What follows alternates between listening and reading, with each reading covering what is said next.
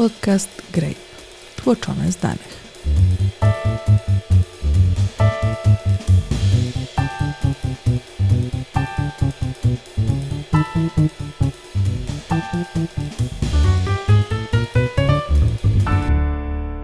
Świat zadłuża się na potęgę. Czy czeka nas kryzys zadłużenia? Okazuje się, że równie źle już było i z tego wyszliśmy. Po wojnie udało się obniżyć dług o połowę w zaledwie dekadę. Jak?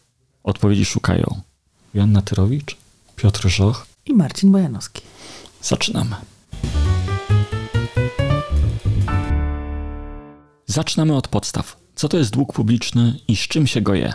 Dług publiczny to są zobowiązania rządu i różnych podmiotów sektora finansów publicznych wobec osób, od których, osób i instytucji, od których sektor finansów publicznych i różne rządowe instytucje pożycza środki na sfinansowanie na przykład bieżących potrzeb wydatkowych. No bo nie wszystkie wydatki są finansowane bezpośrednio z podatków, część jest, można rzec, finansowana na kredyt. I przez dług publiczny rozumiemy sumę tych zobowiązań, które często są oprocentowane wobec gospodarstw domowych, przedsiębiorstw, sektora finansowego, inwestorów zagranicznych itd. Czyli w praktyce jest tak, że przychodzi sobie rząd jakiegoś wyimaginowanego kraju, ma pomysł na budżet i w danym roku ten budżet się, mówiąc potocznie, nie spina. Ma wydatki większe niż przychody. I gdyby był firmą, to ten rząd mógłby tak zrobić raz, no górę dwa razy, ale w końcu musiałby wypracować zysk. A jak jest rządem, a nie firmą, to może tak przychodzić co roku, tak długo, jak będziemy chcieli co roku kupować od niego obligacje uzupełniające tę dziurę w każdym roku w budżecie. I jak się wysumuje to przez wszystkie lata, to z tego mniej więcej jest dług publiczny plus oczywiście odsetki, które są z Mhm. tym związane. Dokładnie. I ten dług publiczny jest jednym z instrumentów prowadzenia polityki rządowej, bo deficyt może wynikać z wielu różnych powodów. To niekoniecznie może chodzić o jakąś taką strukturalną niemożliwość sfinansowania wydatków rządowych, ale czasami są lepsze lata, czasami są gorsze lata. Więc rząd będzie starał się prowadzić politykę stabilizacji cyklu koniunkturalnego. Nie chciałby dostosowywać poziomu podatków tak, żeby zawsze one były równe wydatkom. Nie chciałby obcinać pensji w budżetówce, nie chciałby redukować inwestycji, dlatego czasem siłą rzeczy wydatki będą przewyższały wpływy z tytułu podatków i wtedy jest konieczność wyemitowania długu. Przy czym cały czas mówimy o rządzie w wyimaginowanym Tak, kraju, rozpatrujemy to teoretycznie. Proszę, broń Boże, nie interpretować tego jako oceny działań jakiegokolwiek rządu w jakimkolwiek kraju na tej Dokładnie. ziemi. Ja nie chcę oceniać, mówię po prostu, z czego może wynikać narastanie albo obniżanie długu. To co z tym długiem? Maleje, rośnie, jest dobrze czy źle? To zależy, jak liczyć. To zależy, to jest typowe, typowa odpowiedź, którą udzielają ekonomiści.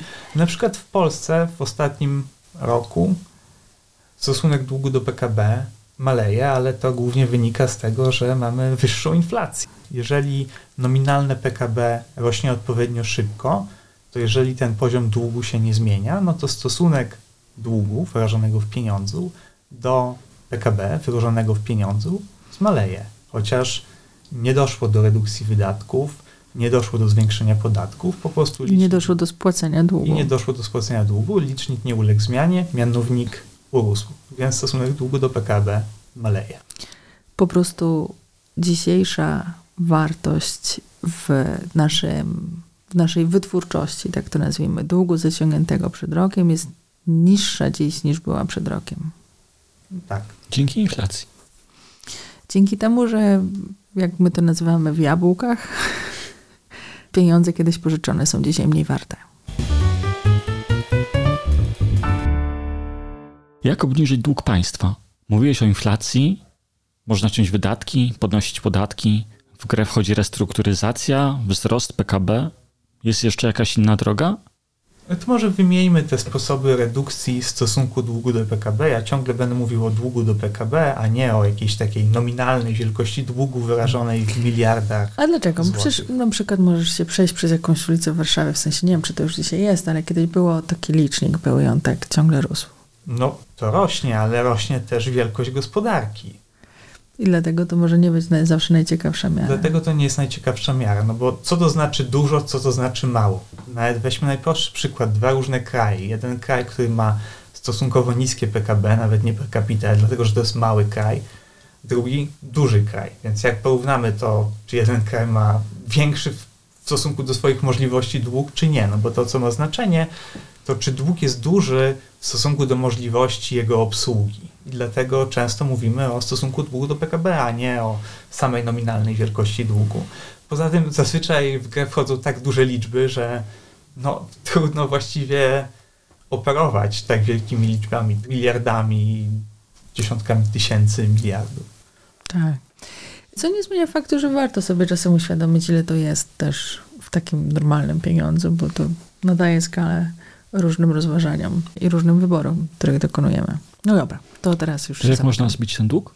Więc tak, po pierwsze redukcja deficytu, zmniejszamy wydatki, podnosimy podatki.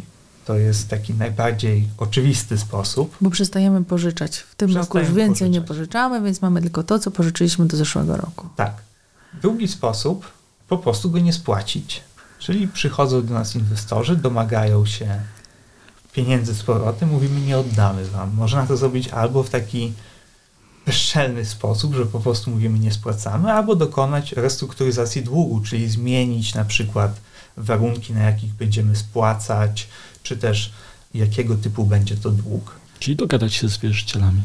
Tak, żeby nam część odpuścili. Tak często to dogadanie stawia ich trochę pod ścianą, bo mówimy albo zaakceptujecie nasze warunki, które są dla nas lepsze, albo nie dostaniecie niczego. Więc tego typu bankructwa państw, one nie są wcale rzadkim zjawiskiem. A kto ostatnio zbankrutował? Teraz Ghana ma duże problemy. Prawdopodobnie będzie restrukturyzacja długu Gany. Jak już powiedzieliśmy, to co ma znaczenie, to jest stosunek długu do PKB. Jeżeli chcemy to obniżyć, no to wystarczy, że PKB będzie rosło szybciej niż dług. PKB nominalne rośnie albo dlatego, że więcej produkujemy dóbr, czyli tak jak Joanna wspomniała, jabłek, albo ich ceny rosną. Więc zarówno wyższe tempo wzrostu gospodarczego, jak i wyższa stopa wzrostu cen będą obniżały stosunek długu do PKB. Tak, Czyli... oczywiście ten scenariusz, w którym dług przestaje być problemem, bo rośniemy bardzo szybko, stajemy się super produktywni, jest tym najlepszym, no ale to nie zawsze jest możliwe. Właściwie dosyć rzadko. Czyli, że jeżeli zadłużenie rośnie nam wolniej niż nasze zdolności wytwórcze, czy potencjał naszej gospodarki, czy ceny,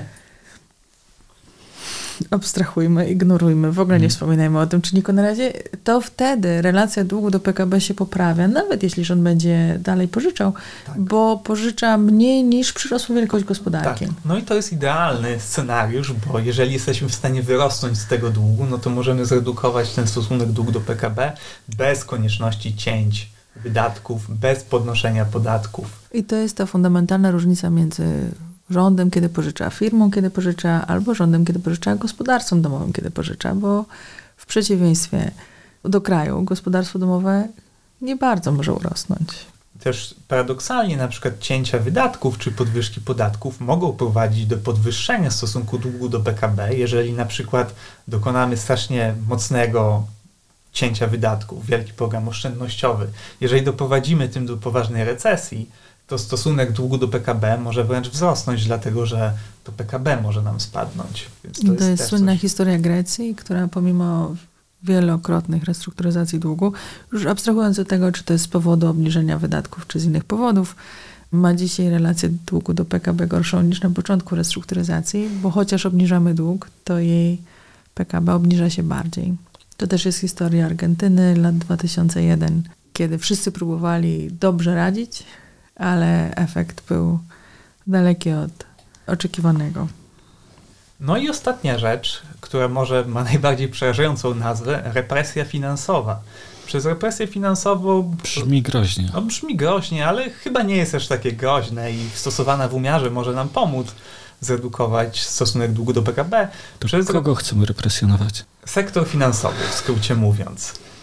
Czyli chodzi głównie o różnego rodzaju środki, które sprawią, że to, ile będziemy musieli płacić jako rząd tym, którzy nam pożyczają, będzie stosunkowo niską kwotą. W konsekwencji chcielibyśmy na przykład. Czyli w skrócie mówiąc, Mhm. rząd sobie wybiera, ty, Marcinie, nie dostaniesz za te pieniądze, co nam pożyczasz, rynkowej stopy procentowej, tylko rynkowa minus 5. Tobie, Marcinie, sprzedamy nasze specjalne obligacje, które dają 0%.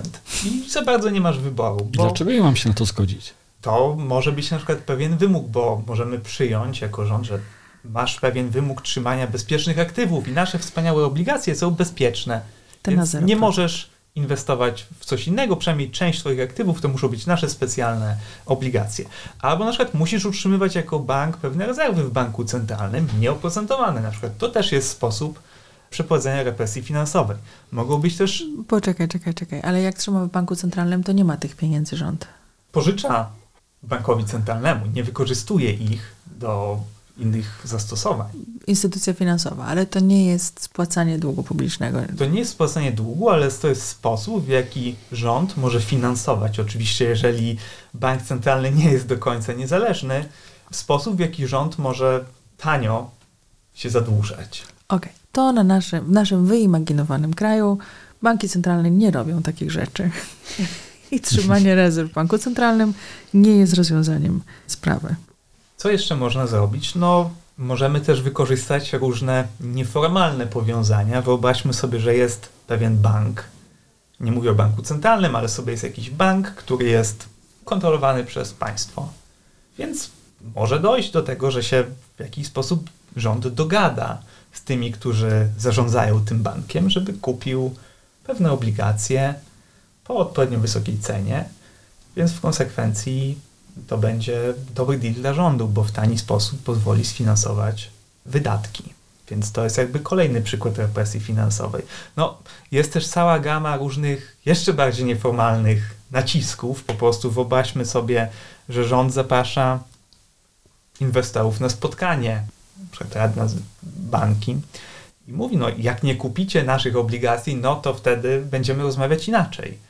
To też jest jakiś sposób represji finansowej, więc wymieniłem tutaj na pewno szeroką gamę różnych instrumentów, od regulacji, które na przykład mówią, nasz specjalny dług jest bezpieczny, musicie utrzymywać pewien procent aktywów w pewnych bezpiecznych instrumentach, czyli naszym długu, po takie bardzo, bardzo nieformalne sposoby wywierania nacisku na sektorze finansowym. No i teraz jak myślę o tych sposobach, które wymieniłeś, to potrafię sobie wyobrazić kraje, które mają dużą przestrzeń do wywierania takich nacisków, na przykład Stany Zjednoczone, gdzie każdy chce mieć amerykańskie obligacje rządowe, bo to jest w kategoriach światowych względnie najbezpieczniejsze aktywo. No ale mniejszą przestrzeń do takiego wywierania nacisku ma pewnie przywołana wcześniej Ghana, która raczej się martwi o to, żeby ktoś chciał jej aktywa w ogóle kupić, a nie o to, To też, komu je wciśnie na siłę. to też zależy od tego, jak duży jest krajowy rynek, w sensie, czy faktycznie w danym kraju znajdą się tacy, którzy będą w stanie te obligacje wziąć. Mhm. Bo jeżeli takich osób nie będzie, no to rząd w końcu straci możliwość pozyskiwania środków od tego krajowego sektora finansowego i będzie musiał się zadłużać w obcych walutach, najczęściej korzystając z sumie- zagranicznych inwestorów. I w sumie im wyższa inflacja, albo im mniej wiarygodna w ogóle polityka finansowa, czy pieniężna, czy fiskalna, to pewnie wtórna kwestia, tym mniej atrakcyjna dla tych, którzy są na musie.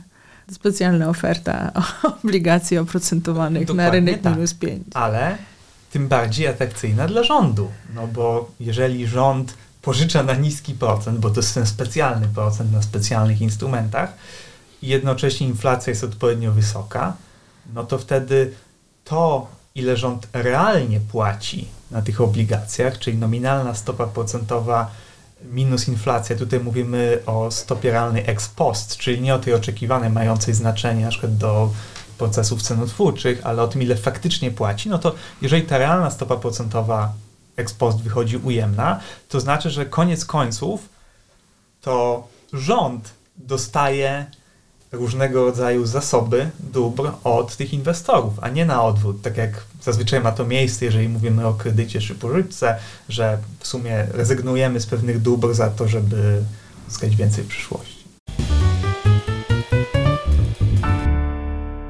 Mówimy o teorii, czy rządy faktycznie tak robią? Można na niektóre rzeczy patrzeć z różnego punktu widzenia. W sensie mamy różne regulacje makroostrożnościowe. Na przykład bank nie może mieć bardzo ryzykownych aktywów w dużej ilości. Musi utrzymywać pewien procent aktywów w czymś bezpiecznym. Teraz pytanie, czy to jest troska o stabilność sektora finansowego, czy to jest jakiś sposób pożyczania tanio od sektora bankowego, przez to, że on musi trzymać zazwyczaj obligacje.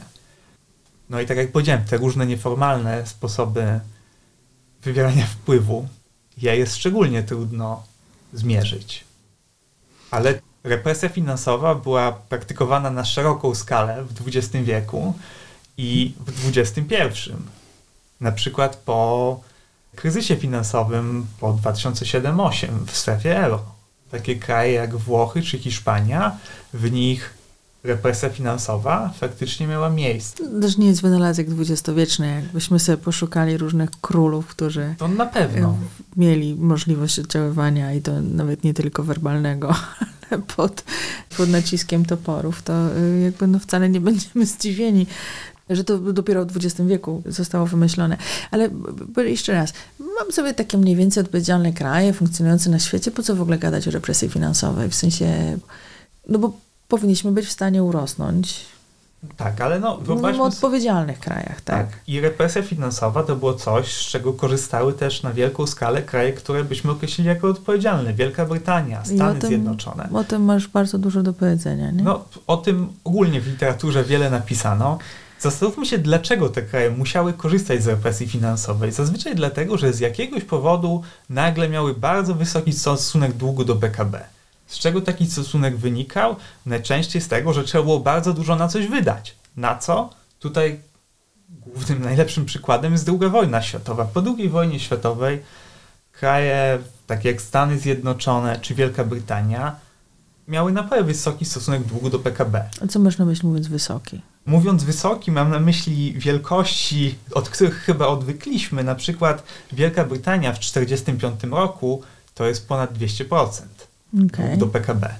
To jakby dla porównania obecnie w Polsce jesteśmy około 50, więc to są naprawdę znacznie wyższe poziomy. No i pojawia się pytanie, jak z takich wielkich poziomów zejść do czegoś w stylu 50, 60% PKB? Czym da się zarządzać i czego spodziewają się w długim okresie inwestorzy, gospodarstwa domowe i Tak. minister finansów? Więc zazwyczaj represja finansowa to było coś, z czego Czyli korzystano. czekaj, czekaj, Mhm. czy mam 200% relacji długu do PKB, no i powiedzmy, żebym była w stanie, bo to był okres powojenny, wiadomo, że odbudowa, wiadomo, że będziemy szybko rosnąć, no to jakbym miała tempo wzrostu gospodarczego gdzieś 3 punkty procentowe wyższe niż stopa procentowa w tamtym czasie, to bym spłaciła ten dług w 100, no prawie 100 lat, nie? Tak w sensie spłaciła. Zeszła do no, trochę by kilkudziesięciu to procent. zajęło. Trochę by to zajęło. Czyli dalece ponad możliwości i rozsądek. dosyć długo by to zajęło, więc pojawia się pytanie, jak, jak to zrobić. Wiadomo, będzie jakaś kombinacja różnych metod, które wymieniłem. Być może cięcie wydatków, tak, bo po wojnie nie ma konieczności utrzymywania tak dużej armii jak w trakcie wojny.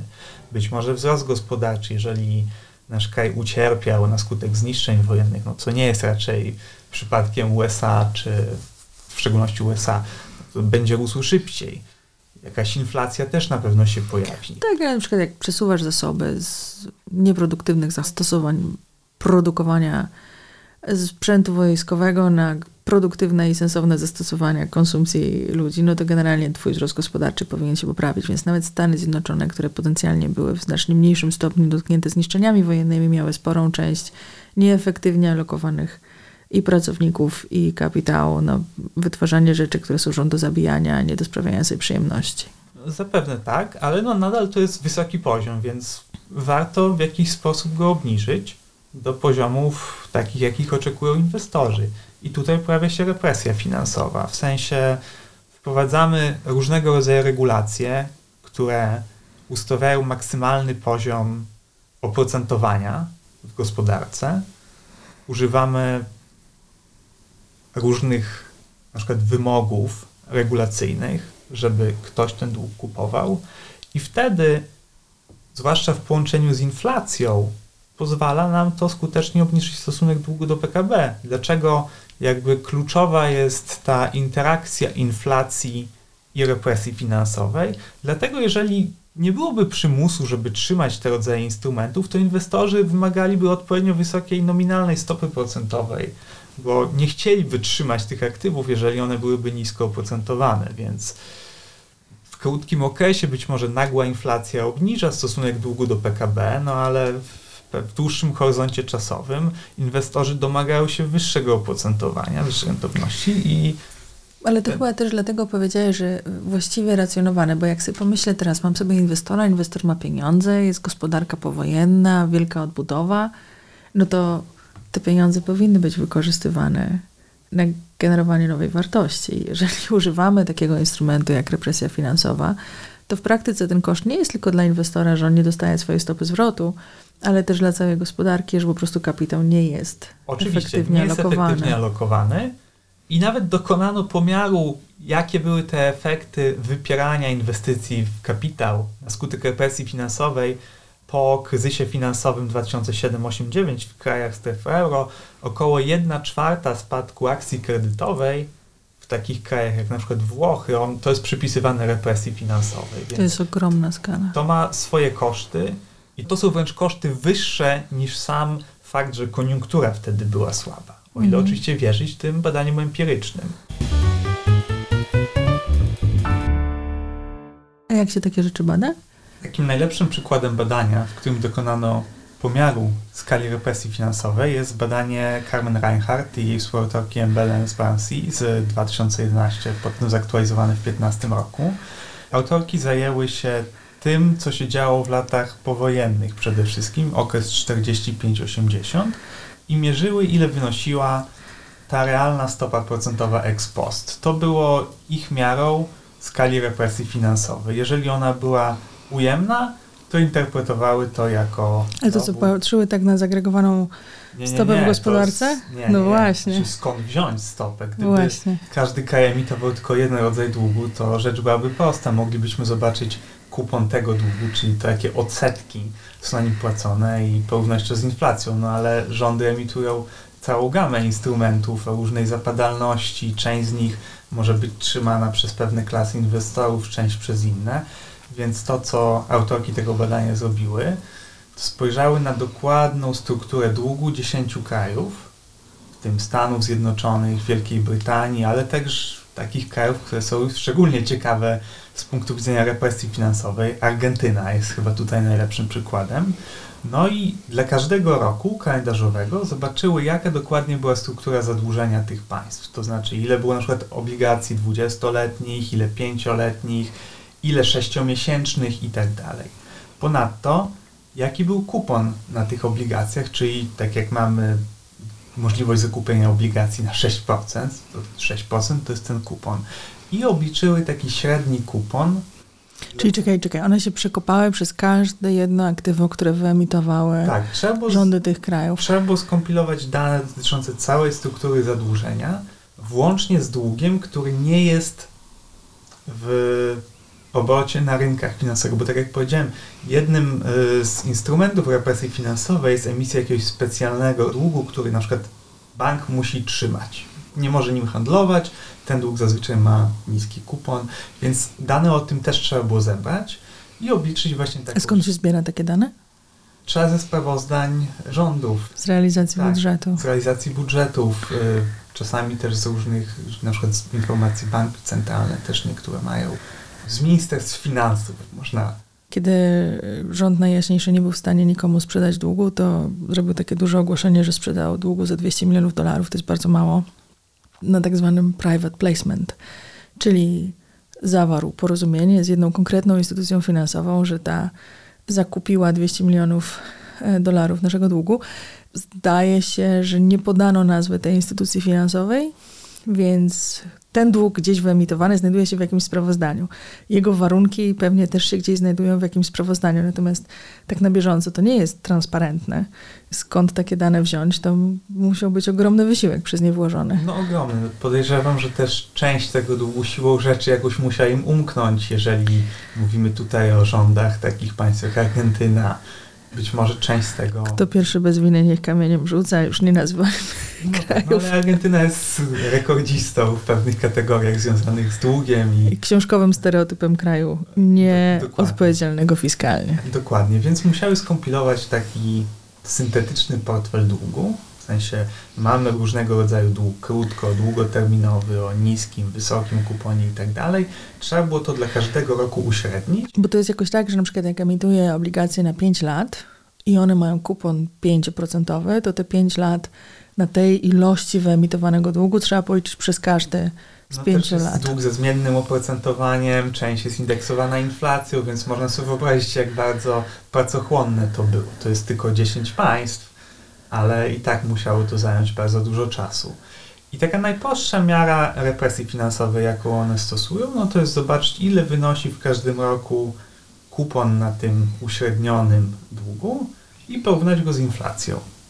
I jeżeli różnica wychodzi ujemna, to znaczy inflacja jest wyższa od tego kuponu, to mówimy wtedy, że jest represja finansowa. Przynajmniej tak autorki to zdefiniowały. To była najbardziej podstawowa miara, bo tutaj możemy mówić o wielu innych komplikacjach związanych z mierzeniem represji finansowej. Po pierwsze, no, dług też ma swoją cenę, ten, który jest obracany na rynku. Ta cena może rosnąć, może maleć.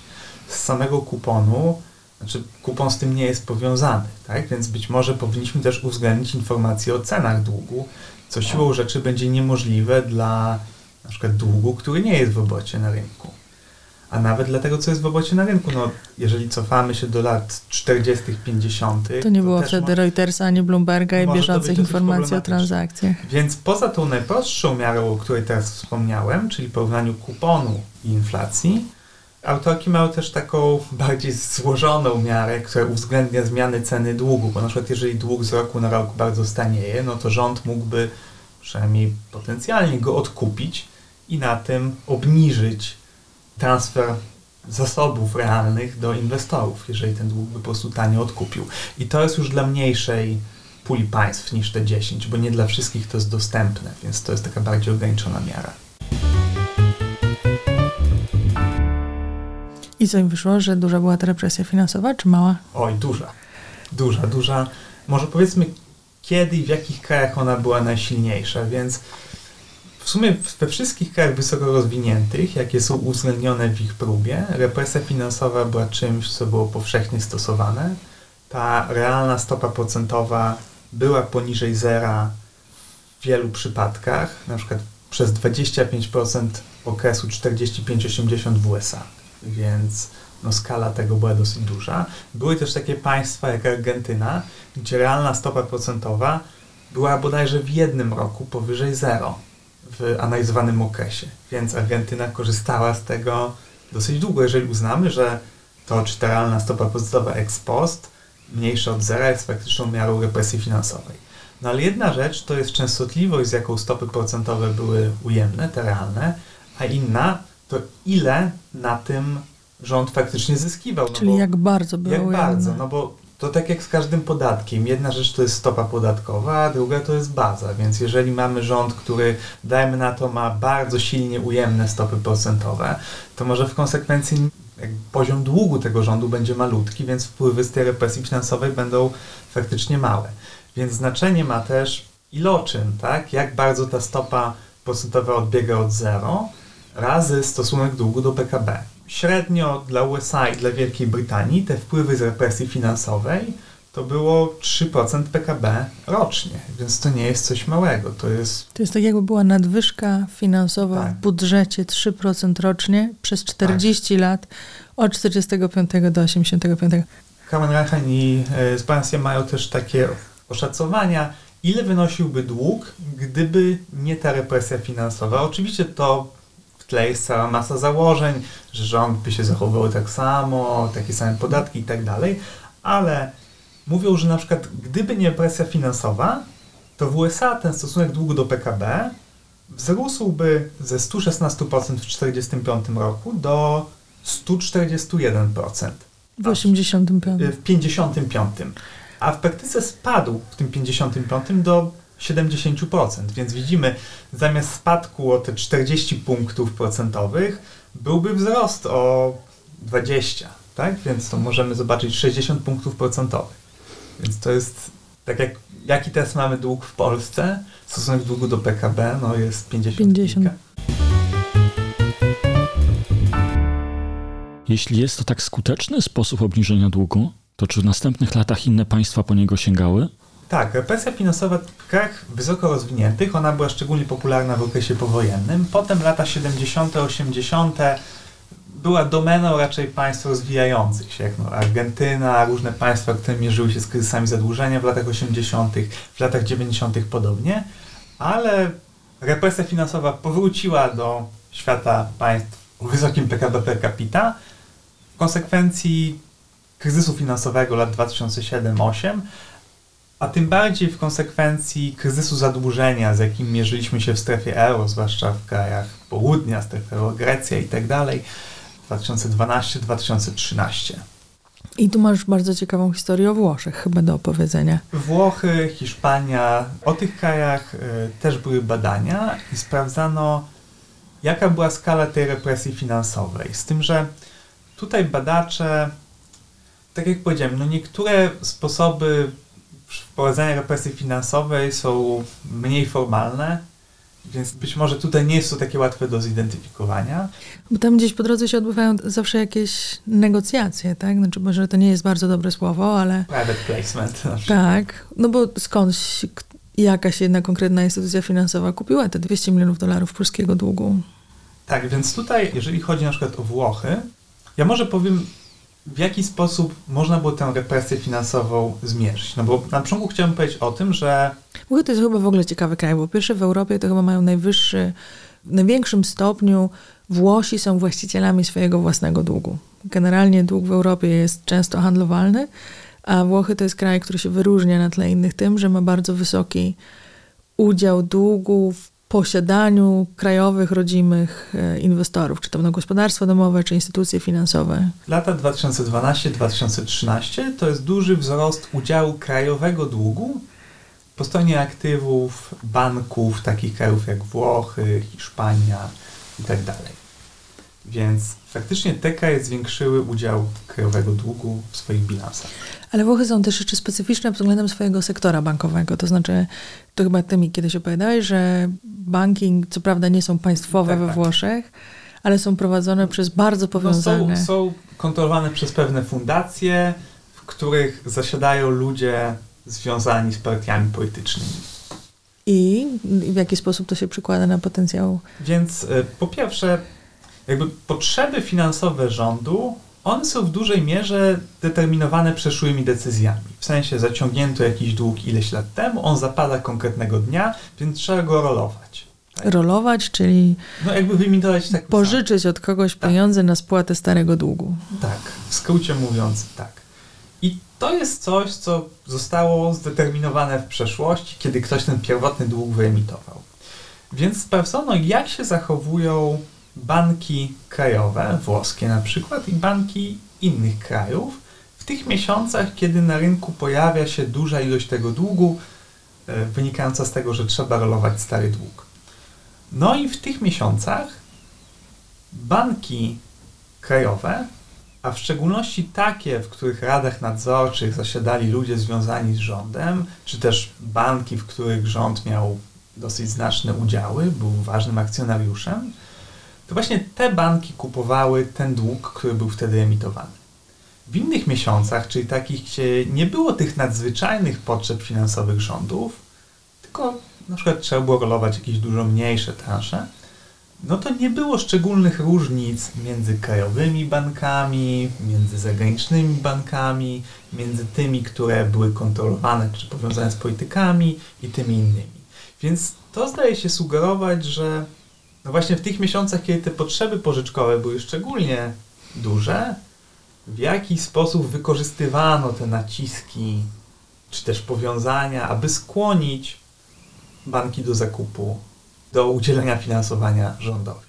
A też może być tak, że jak jestem sobie takim bankiem i te x lat temu kupiłam bardzo dużą transzę długu i przychodzi czas, że rząd musiałby go wykupić, a wiem, że nie mogę, to prawdopodobnie optymalnym jest, żeby kupić ten dług na potrzeby spłacenia długu, który już posiada. Tak, ale to co ciekawe, to warto dodać, że ten efekt, czyli ten wzrost długu w bilansach, zauważano w bankach, które miały niski poziom długu rządowego na wejściu. Okay. To były te banki, które jakby miały jeszcze potencjał, żeby zwiększyć poziom długu. Bo można byłoby sobie wyobrazić trochę kuriozalne, ale jednak sytuację, w której wykupuję własny dług, to znaczy pożyczam rządowi, żeby spłacił dług, który ma u mnie, ale rozumiem z twojej historii, że to, To był nowy. to jest nowy dług. Tak. Czyli duża skala powiązań No, pomiędzy biznesem a... tego badania, które zalinkujemy, jak rozumiem, wskazują, że rządy strategicznie wybierały, które banki przymuszać, czyli te, które miały możliwości, no i też nie nadużywały tych zdolności do przymuszania w tych miesiącach, kiedy te potrzeby finansowania nie były jakieś szczególnie duże, czyli do tej represji finansowej, czy do tego moralnego przymusu dochodziło wtedy, kiedy były obawy, że na przykład może aukcja długu się nie powieść. Więc wtedy to wykorzystywano.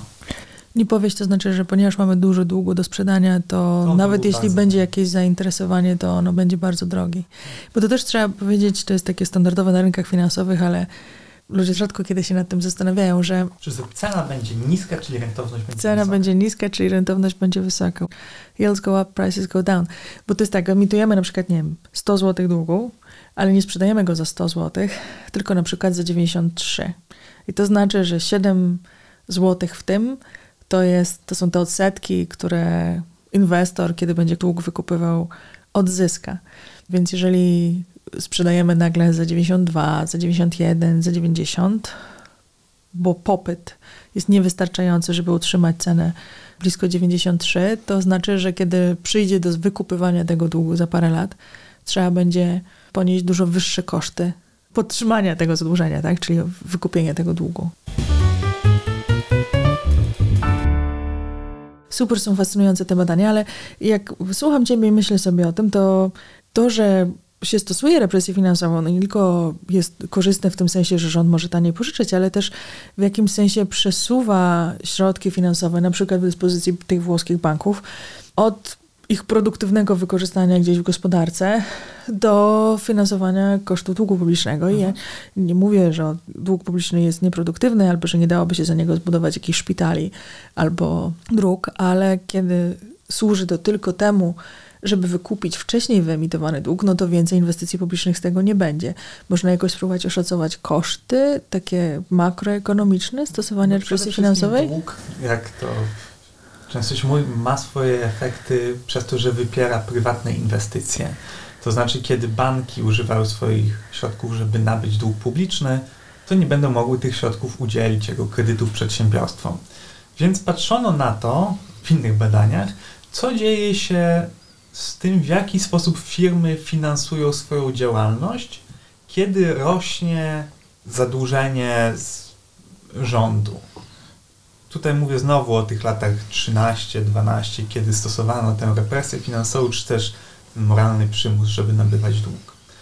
I faktycznie zauważono na danych dotyczących kredytów oraz emisji obligacji przedsiębiorstw, że przedsiębiorstwa, zwłaszcza te, które miały relacje z bankami, które były w silny sposób powiązane z rządem, czy też w dużym stopniu zwiększały dług rządowy krajowy w swoich bilansach, to te przedsiębiorstwa miały skłonność, żeby przerzucić się z finansowania kredytem bankowym na finansowanie emisją obligacji. Co może wskazywać na to, że miały problem z uzyskaniem tego kredytu. Banki na przykład żądały wyższego oprocentowania albo nie były skłonne Albo większego zabezpieczenia. większego zabezpieczenia. Więc te przedsiębiorstwa, i to mowa o dużych przedsiębiorstwach, miały skłonność do tego, żeby finansować się poprzez emisję obligacji na rynku, a nie poprzez kredyt. To teraz powiedziałeś o mechanizmie, a czy możemy jakoś kwantyfikować, jaki jest jego wpływ na gospodarkę? No to też nie jest łatwe, no bo w momencie, kiedy ta represja finansowa się dzieje, tak jak w kryzysie w strefie euro, no to dzieje się też wiele innych rzeczy w gospodarce, więc możemy mieć takie no bardzo szacunki, jakby to rzec, yy, Przybliżone. przybliżone i dokonano pewnego porównania, jaki był wpływ czynników cyklicznych, czyli tego, że ogólnie PKB, dynamika PKB uległa spowolnieniu w czasie tego kryzysu, a jaki był wpływ represji finansowej, czyli tego, że banki nie były skore udzielania kredytów, dlatego że miały w swoich bilansach dług rządowy. I te efekty są nieporównywalnie większe, jeżeli chodzi o tę represję finansową. To jest czterokrotność mniej więcej. Czyli akcja kredytowa, według tych badań, o których tutaj mówię, spadła 3-4 razy mocniej z powodu, że zaczęto stosować represję finansową, czy też, że banki być może z jakichś innych czynników w swoich bilansach miały więcej długu krajowego, aniżeli z tego, że ogólnie koniunktura uległa pogorszeniu. Czyli w praktyce to, co do mnie mówisz, ja tak próbuję sobie to ułożyć, że jest jakiś taki rząd i on troszeczkę cwaniakuje, bo ma instrumenty przymusu bezpośredniego, może przekonać instytucje finansowe, żeby kupiły jego dług, nawet jeśli to jest dla nich nieatrakcyjne, ale to cwaniakowanie ma bardzo krótkie nóżki, bo przykłada się na dużo trudniejsze funkcjonowanie gospodarki. Tak, ale też pamiętajmy, że rzadko kto, o ile nie jest szczególnie nierozważny, korzysta z tych instrumentów, kiedy nie musi, nie ma tej potrzeby, więc trzeba się zastanowić, co by było, gdyby rząd nie postępował w taki sposób, w jaki postąpił, nie sprzedał tego długu krajowym bankom, no i po prostu go nie spłacił. To być może konsekwencje tego byłyby dużo gorsze. Czy może być argument, który powstrzymuje państwa przed używaniem represji finansowej? Efekt właśnie dla gospodarki, ograniczenia akcji kredytowej przez banki? No, zdecydowanie. To jest chyba główny czynnik, jaki jest brany pod uwagę, jeżeli zastanawiamy się, czy korzystać z tej represji finansowej, czy nie. Tak jak powiedzieliśmy na wstępie, jest kilka sposobów redukcji długu do PKB i zapewne optymalne jest skorzystanie z każdego z nich w jakimś stopniu, tak? Więc niezupełnie na przykład poprzez podniesienie podatków, niezupełnie przez ograniczenie wydatków rządowych, być może jakaś kombinacja, trochę redukcji wydatków, trochę zwiększenia podatków, trochę represji finansowej. No tak Tylko malutko, nie za dużo. Tak, poza tym z tą represją finansową to jest chyba trochę tak jak mówią Amerykanie slippery slippery. To znaczy, jak już się raz w to zaangażujesz, to masz, musisz być bardzo odpowiedzialny i bardzo konsekwentny, żeby tego instrumentu nie nadużywać, nawet wtedy, kiedy potencjalnie nie musisz, albo kiedy potencjalnie na stole leżą jakieś inne opcje. Przykłady krajów takich jak USA czy Wielka Brytania pokazują, że jednak da się z tego skorzystać i oduczyć korzystania z tego, kiedy już nie jest potrzebne, jeżeli mówimy o tych latach powojennych. No ale mamy tutaj kraje takie jak Argentyna i podobne, które chyba stosowały represje finansowe kiedy mogły i tak koniec końców musiały zazwyczaj ogłosić niewypłacalność. Wspominałeś, jak żeśmy rozmawiali, że ta miara którą zastosowała Carmen Reinhardt i współautorka. Dodajmy jeszcze, że Carmen Reinhardt jest dzisiaj główną ekonomistką Banku Światowego, żeby nie było, że to jest całkowicie anonimowa osoba, że te, te miary, które one zastosowały, nie są idealne. Możesz coś więcej o tym powiedzieć? Tak, bo ta miara po polegała na tym, żeby porównać realną stopę procentową ex post, czyli ten realny zwrot na trzymaniu tego syntetycznego portfela długu rządowego z zerem. Ale dlaczego zero miałoby być naturalnym punktem odniesienia? No mówimy, że jeżeli realna stopa jest poniżej zera, to jest transfer zasobów od tych, którzy pożyczyli środków do rządu.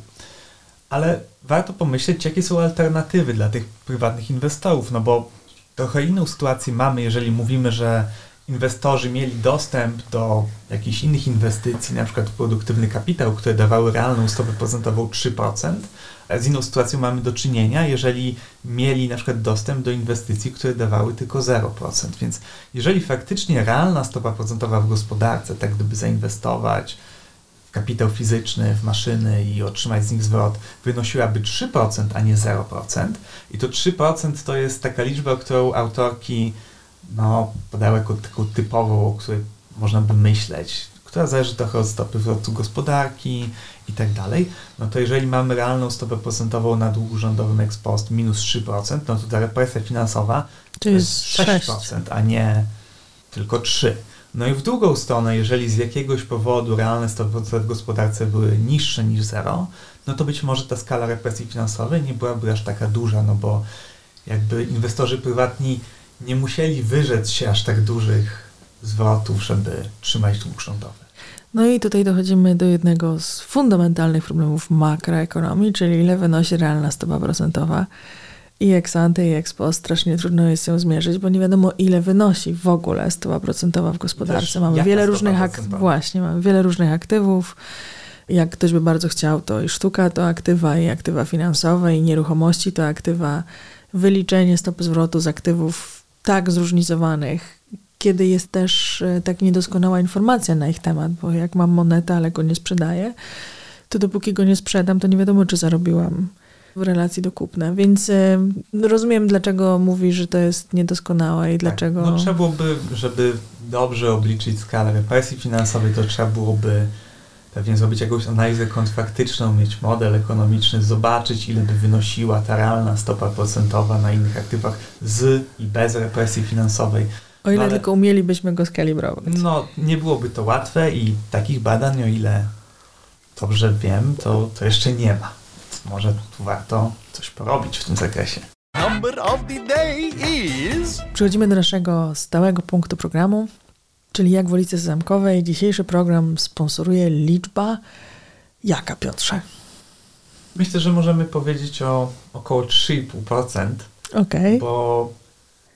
Co to 3,2 jest i dlaczego uważasz, że jest ciekawe? Wydaje mi się, że to jest dobre przybliżenie tego, ile wynosiły wpływy z represji finansowej w okresie powojennym dla krajów wysoko rozwiniętych. 3,5% PKB. To wydaje Rocznie. mi się takie jest podsumowanie. 3,5% PKB rocznie. Nie jest to mało, więc tak jak wspomnieliśmy, to pozwoliło w dużym stopniu zredukować stosunek długu do PKB w Wielkiej Brytanii w Stanach Zjednoczonych. I to jest, trzeba też powiedzieć sobie zupełnie wprost, zdecydowanie więcej niż nadwyżka budżetowa uśredniona przez najbardziej atrakcyjne lata w najbardziej odpowiedzialnych krajach strefy euro. Tak, jest to też 20-30% wpływów, znaczy to 3,5% to jest jakieś 20-30% wpływów z tytułu różnych podatków do budżetów Wielkiej Brytanii i Stanów Zjednoczonych w tamtym okresie. Więc represja finansowa odgrywa rolę porównywalną z 1 piątą czy 1 czwartą roli podatków. Bardzo dużo. Czyli gdyby nie to, trzeba było te podatki podnieść. Albo wydatki obniżyć. Albo powiedzieć, że nie spłacamy. I tym mało optymistycznym akcentem będziemy kończyli. Naszym gościem dzisiaj był Piotr Żoch, a mówili do Państwa Joanna Tyrowicz, i Marcin Bojanowski. Dziękujemy. Dziękujemy. To jeszcze nie koniec. Dziękujemy za odsłuchanie naszego podcastu. Tworzymy go dzięki wsparciu finansowemu Fundacji Wolności Gospodarczej. Wszystkie badania z tego odcinka są w jego opisie, a także na stronie greypork.pl i w naszych mediach społecznościowych. Będziemy wdzięczni za wszelkie uwagi i komentarze, co się podobało, a co powinniśmy poprawić. Zapraszamy za dwa tygodnie. No i teraz już koniec. Do usłyszenia. Thank you.